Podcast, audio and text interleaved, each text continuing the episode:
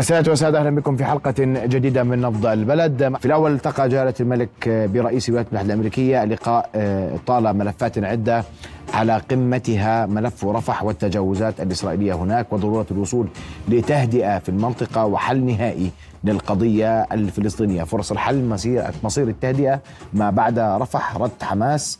ملفات نناقشها ليلة مع ضيفنا الأستاذ عريب الرنتاوي الكاتب والمحلل السياسي. مساء الخير يا أهلا وسهلا أستاذ محمد.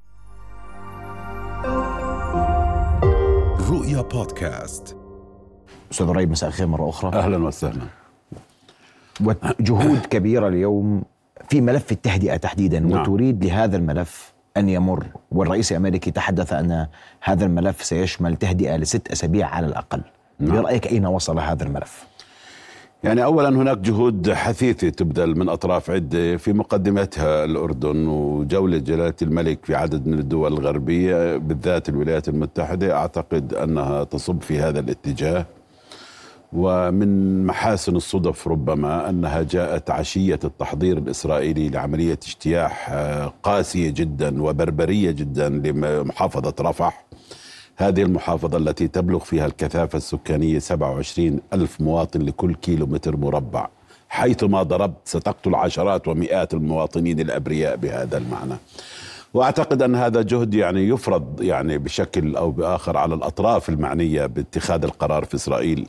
الولايات المتحدة أساسا بريطانيا أوروبا بالدرجة الثانية. آه، طبعا هناك موعد مجدول كان للقاء الرباعي الاستخبارات في القاهرة.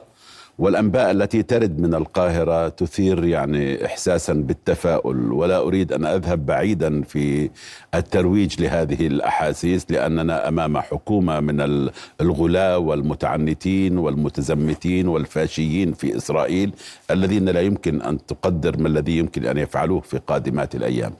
لكن المؤشرات التي تصدر من القاهرة إيجابية تتحدث عن صفقة ربما لتبادل الأسرى وتهدئة لمدة شهر ونص تقريبا هي المرحلة الأولى في آه، إطار باريس. آه، طلبت مصر من حماس أن تعيد وفدها على جانب على بسرعة إلى القاهرة الذي كان قد غادرها قبل آه، يومين فقط يعني ووافقت حماس على ذلك. يبدو أن هناك شيء يجب أن يبحث على هذا الصعيد. ليس لدي معلومات ولا أعتقد أن المعلومات تسربت كفاية عن مجريات هذا الاجتماع. ولكن من ظاهر التصريحات والمعلومات أن الخطة الثلاثية المراحل التي تحدث عنها إطار باريس ربما يجري التعامل معها بالقطاع بالمفرق وليس بالجملة. بمعنى المرحلة الأولى تبادل إنساني للرهائن النساء وكبار السن والمرضى وصغار السن وغير ذلك. مقابل عدد معقول من الأسرى الفلسطينيين. المعلومات الأولية تتحدث أنه بالإمكان تمرير بعض القيادات الكبيرة في الصفقة الأولى. يعني والأسماء التي يجري بتقصد مروان برغوثي مروان السعدات سعدات في إلى آخره. لكن هذا ليس مؤكد يعني لا أرجو أن يؤخذ بتحفظ. يعني لكن أنا أتحدث عن التسريبات الآن وهي ليست بالضرورة دقيقة مئة بالمئة. كما قلت لا معلومات بعد يعني. لا دخان أبيض من الاجتماع الرباعي في القاهرة. هذا تأكيدا حدث. على كلامك البيت الأبيض يقول الآن بأن آه، هناك أنباء إيجابية نعم. حول المفاوضات ومصر تتحدث عن- ومصر وقطر تتحدث عن تتحدث ذلك عن فهناك على ما يبدو أن الأجواء باتت أكثر قربا من تلك. نعم لكن يبدو جزئية وليست شاملة. يعني حتى ليست بالمستوى الذي ذهب إليه إطار باريس وبالتأكيد ليست بالمستوى الذي استبطنه رد حماس على إطار باريس. لكن يبدو أن هناك باكج تعد خلال الشهر ونص لتفادي معركة رفح وهذا أمر أعتقد أنه بالغ الأهمية. خلف الكواليس كيف يمكن الانتقال من هذه المرحلة إلى المرحلة التالية؟ كيف يمكن يعني تأمين الانتقال السلس بين مرحلة وأخرى والآمن حتى لا تغدر إسرائيل؟ هذا أعتقد أنه سيكون موضع مفاوضات كثيفة في الأيام الأربعين الخمس وأربعين التي ستستغرقها الهدنة في مرحلتها الأولى. لكن في ظني أن هناك بوادر يعني حلحلة ربما في هذا في هذا الإطار. في ذات التوقيت رد حماس كان واضحا يجب وقف إطلاق النار. نعم. وهي تشترط ذلك لبدء أي مرحلة من المفاوضات. صحيح؟ وهذا كلام هذا لا يحدث حماس. الآن. هذا رد حماس. هذا رد حماس. اليوم هل تقرأ في هذا الرد إمكانية؟ هل حماس تقبل اليوم في إطار ما يحدث بأي سياق بأي سياق إطارا جديدا للمفاوضات مع إسرائيل في هذا الإطار. الإطار هو إطار باريس. لكن السؤال الآن كيف يمكن ضمان الانتقال من مرحلة إلى أخرى؟ يعني هذه كانت نقطة أساسية يعني وطلبت ضامنين ستة. وضامنين ستة من طرفها إلى جانب الضامنين المعروفين. يعني الولايات المتحدة هي الضامن الأهم. لم ترد في قائمة حماس لكن حماس تريد ضامنين من من الأطراف التي الذين تثق بهم يعني قطر مصر تركيا روسيا إلى آخره. هذه الأطراف تثق بها وتأنس إليها حركة حماس. آه، في ظني أننا يعني في جانب ربما يكون غير معلن من الاتفاق له علاقة بالربط بين المراحل له علاقة بخط النهايه لهذه العملية. حماس كانت تشترط وقفا لإطلاق النار من بدء هذه العملية. قد يكون هناك محاولة لإقناع حماس بأن وقف إطلاق النار سيأتي في نهاية هذه العملية. جاي كيف. لكن وقف إطلاق النار في كل الحالات. يعني هو الهدف الأول والأخير من أي عمليات تهدئة أو عملي أي عملية تبادل للرهان. لكن ما يمكن أن يشجع حماس على المضي بهذه الصفقة وأنا هنا أتحدث بالتحليل وليس بالمعلومات مرة أخرى حتى أخذ على نعم. يعني تأخذ الأشياء بحجمها. ربما يكون هناك يعني بعض التطمينات بعض الضمانات التي ستعطى لأنه نتنياهو طلع على شجرة عالية. عندما قال أن عدم الدخول إلى رفح هو هزيمة لإسرائيل وانتصار لحماس وأننا لا نقبل إلا بالنصر المطلق ودعمته الإدارة الأمريكية حتى في المؤتمر الصحفي المشترك مع جلالة الملك. يعني بايدن لم يقل لا للعملية في رفح. قال يجب مراعاة ممر آمن وعدم تجنيب المدنيين ويلات هذا الاجتياح والى آخره ونحن نتفق مع الأهداف الاستراتيجية لإسرائيل في في في قطاع غزة وهو مؤمن بأن دعمه الذي لا لبس فيه والتعبير له يعني لإسرائيل في هذه الحرب كان هو الخيار الصحيح. هذا الحديث تسرب يعني من الولايات المتحدة. إذا نحن ما زلنا في البدايات في البواكير ربما تكون هناك مقاربة مختلفة.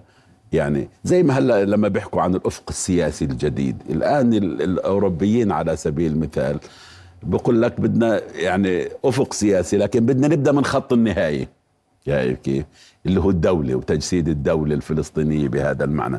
واللي سماها الموفد الأوروبي لعملية السلام سفين هو بمارس reverse engineering الهندسة العكسية. يعني بدنا نبدأ من الآخر مش من الأول بهذا المعنى.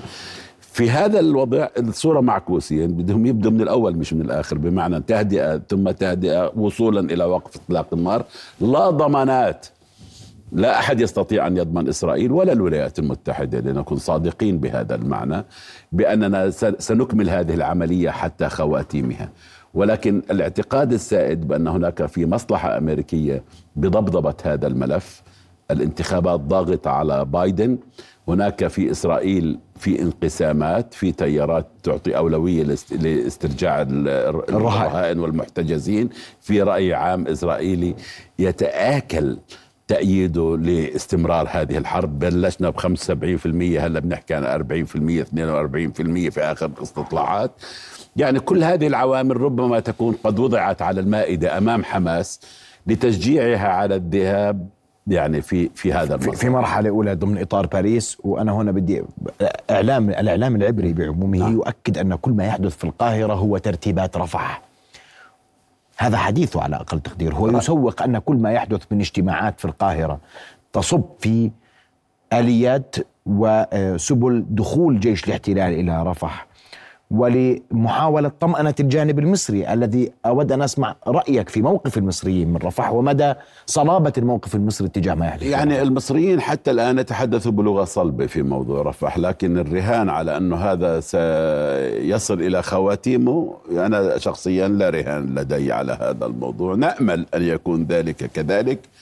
ولكن في الحقيقة من التجارب الأخيرة في كثير من الملفات الضاغطة على مصر والتي تمس الأمن القومي المصري لم نرى يعني المواقف امتدت على استقامتها بهذا المعنى. سد النهضة بين قوسين كان خير مثال على ما أقول يعني شايف كيف. آه، بالنسبة لمصر هذا تهديد للأمن الاستقرار للسيادة. تهددت مصر بتعليق بعض جوانب المعاهدة بهذا المعنى. أنا في ظني رفح هي المحور. من منظور إسرائيل ربما تكون هذه التهدئة فرصة للخلاص من الكثافة السكانية في رفح بإعادة بعضهم إلى وسط وشمال غزة ضمن ترتيبات إنسانية بحيث تتمكن من استئناف المعركة في رفح بأقل قدر من الانتقادات الدولية والأمريكية بخاصة. هاي من وجهة نظر إسرائيل. من وجهة نظر الأطراف العربية وحتى الإدارة الأمريكية أنه هذا الاتفاق ربما يمهد لتفادي معركة رفح والذهاب إلى مرحلة ثانية وصولا إلى يعني وقف إطلاق نار كامل ونهائي بهذا بهذا المعنى. هذا ما تراهن عليه الأطراف العربية الوسيطة في هذا في هذا الملف والأطراف العربية الداعمة للوساطة المصرية والقطرية مثل الأردن والسعوديه وأطراف الخماسية العربية وإلى آخره. بالنسبة لحماس ملف الأسرى والرهائن هو ملف أساسي وحيوي ووجودي الآن يعني وجودي بهذا المعنى. ممكن أن تقبل بالشق الإنساني منه لقاء خدمات إنسانية كبرى تقدم للفلسطينيين مساعدات إغاثة إلى آخره تأمين النازحين كل هذا الكلام. لكن بعد إتمام المرحلة الأولى إن تمت بظل في حوالي 100 أسير عند حركة آه، حماس يعني والمقاومة الفلسطينية.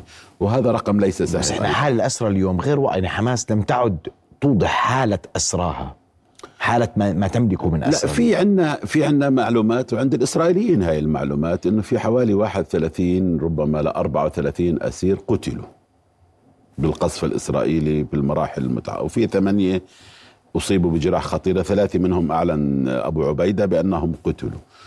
50 60 70 أسير. هذا رقم ليس سهل. هذا رقم ليس سهل. وهذا لن تفرط به حماس دون أن تضمن أن هناك خط نهاية واضح لهذا العدوان البربري على قطاع غزة. أنا بعتقد هذا هو التكتيك اللي ممكن ممكن. يعني ولست متاكدا يعني من طبيعة العرض الإسرائيلي. إسرائيل روجت بأنها قدمت رد معدل على اتفاق باريس الإطاري. يتسم بمرونة أكبر. لكن إلى أي حد تبلغ هذه المرونة؟ وهل تستجيب مع الحد الأدنى من مطالب حماس؟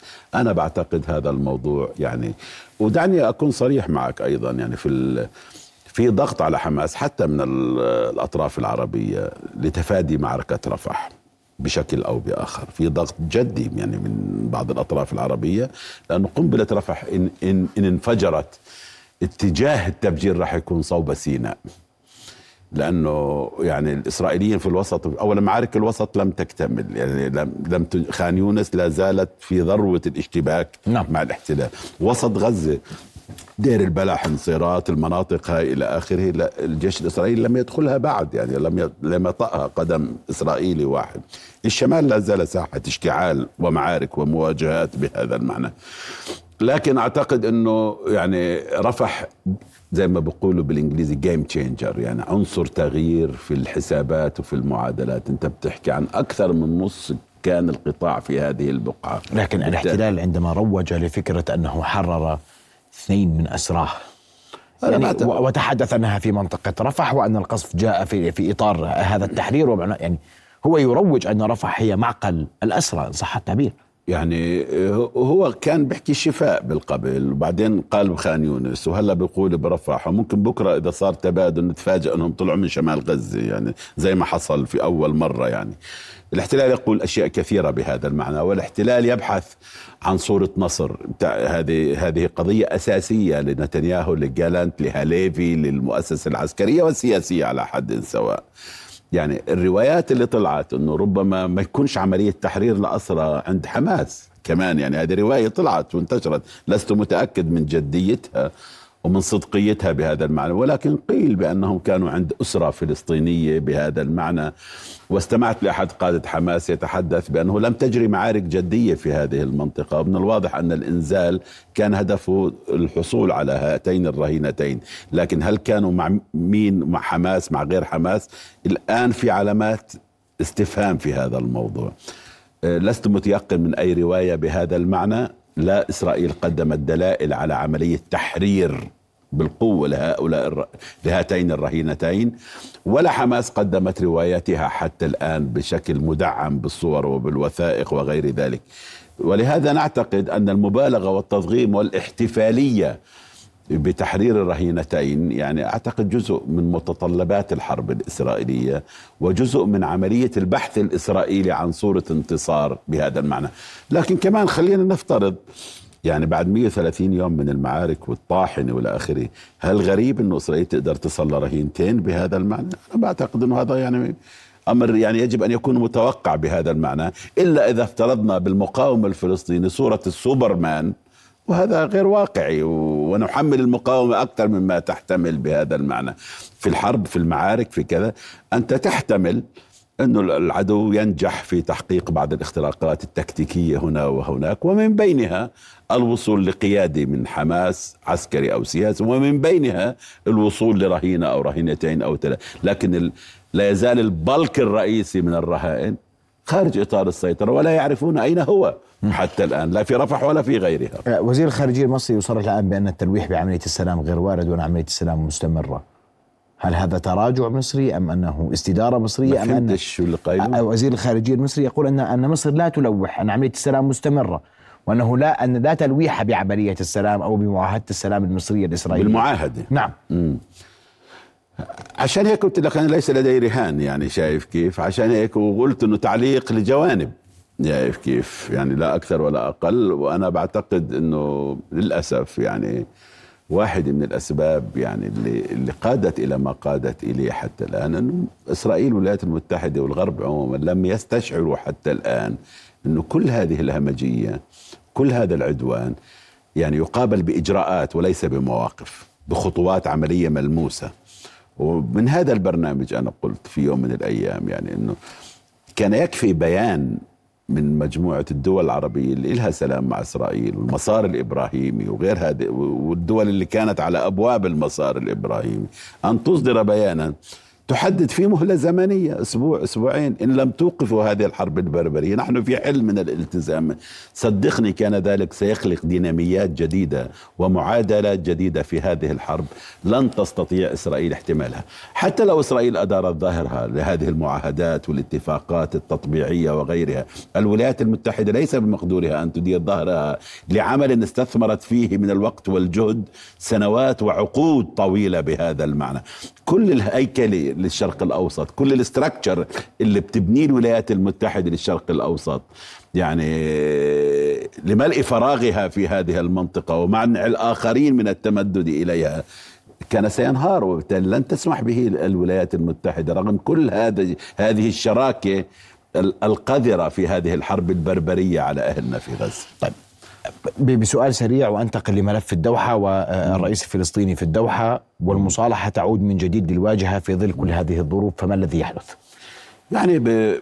أيضا أخبار آه، فريش وطازة ومؤشرات وليست ناضجه بعد وليست يعني نهائية بعد وبالساعات القليلة الفائتة لم نستطع أن نتحقق من يعني من كثير منها من الواضح أن يعني آه، التوجه الآن إنه حماس جزء من المنظمة.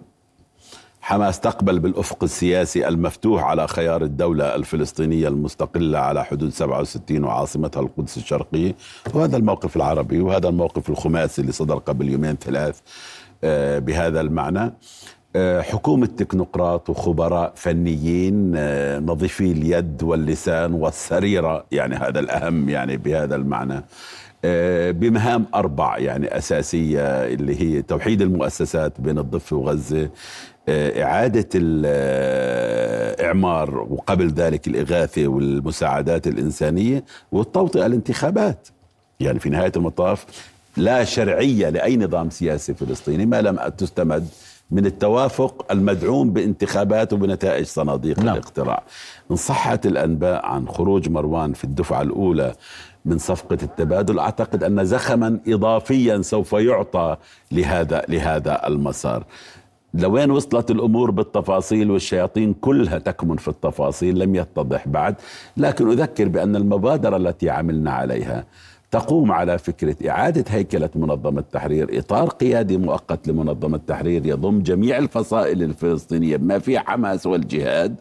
وبعد ذلك حكومة تكنوقراط. يعني إحنا في المبادرة قلنا حكومة تكنوقراط حماس لا تستطيع أن تتحمل عبء المساعدات وإعادة الإعمار في غزة. هذا أمر حماس تدركه ونحن بحوارات معها. قالوا ذلك وهم يدركون ذلك. لكن لا, لا يمكن القبول بإخراج حماس من المعادلة. من المنظومة السياسية الفلسطينية. هذا زمن ولا. نعم. حتى الغربيين الذين تلتق... تل... نلتقي بهم الأوروبيين بالذات بقول لك مشان الله لقي لي صيغة. مع عندنا كان الجيش الجمهوري الإيرلندي إرهاب وشين فين إيه، كنا نتفاوض معه. في لبنان بنتفاوض مع نواب حزب الله وبنحكيش مع الجناح العسكري. في تركيا ال PKK إرهابي وحزب الشعوب الديمقراطي في البرلمان. لاقينا صيغة. يعني شايف لأن الكل يدرك أننا أمام شرعية فلسطينية بلا قواعد جماهيرية. ولم تعد كثير مرحب بها حتى من حلفائها التقليديين من عرب وأجانب وغربيين بالذات. وأمام حركة لها نفوذ شعبي كبير وهائل لكنها ليست جزء من هذه المنظومة الشرعية. كيف تستحدث التزاوج بين هاتين المسألتين؟ أعتقد أن الصيغة اللي قدمناها واللي يبدو أنه يعني يدور البحث يعني ليس بعيدا عنها في الدوحة. في فلكها على أقل تقدير. نعم. منظمة تحرير إطار جامع لكل القوى حكومة تكنوقراط بلا فصائل نعم. بمهمات محددة انتقالية وبنحكي عن سنة سنتين بكثير ثلاث سنوات ثم نحتكم إلى صناديق الاقتراع والتحدي الكبير أن يحترم الجميع نتائج صناديق الاقتراع بما فيها الغرب بما فيها الأطراف العربية كذا واضح جدا. ساعات وأيام آه، قليلة مقبلة تكشف الكثير مما يدور الآن آه، في نعم. المنطقة. تحديدا أشكرك كل الشكر حياك على حضورك معنا ليلة شكرا جزيلا. رؤيا بودكاست.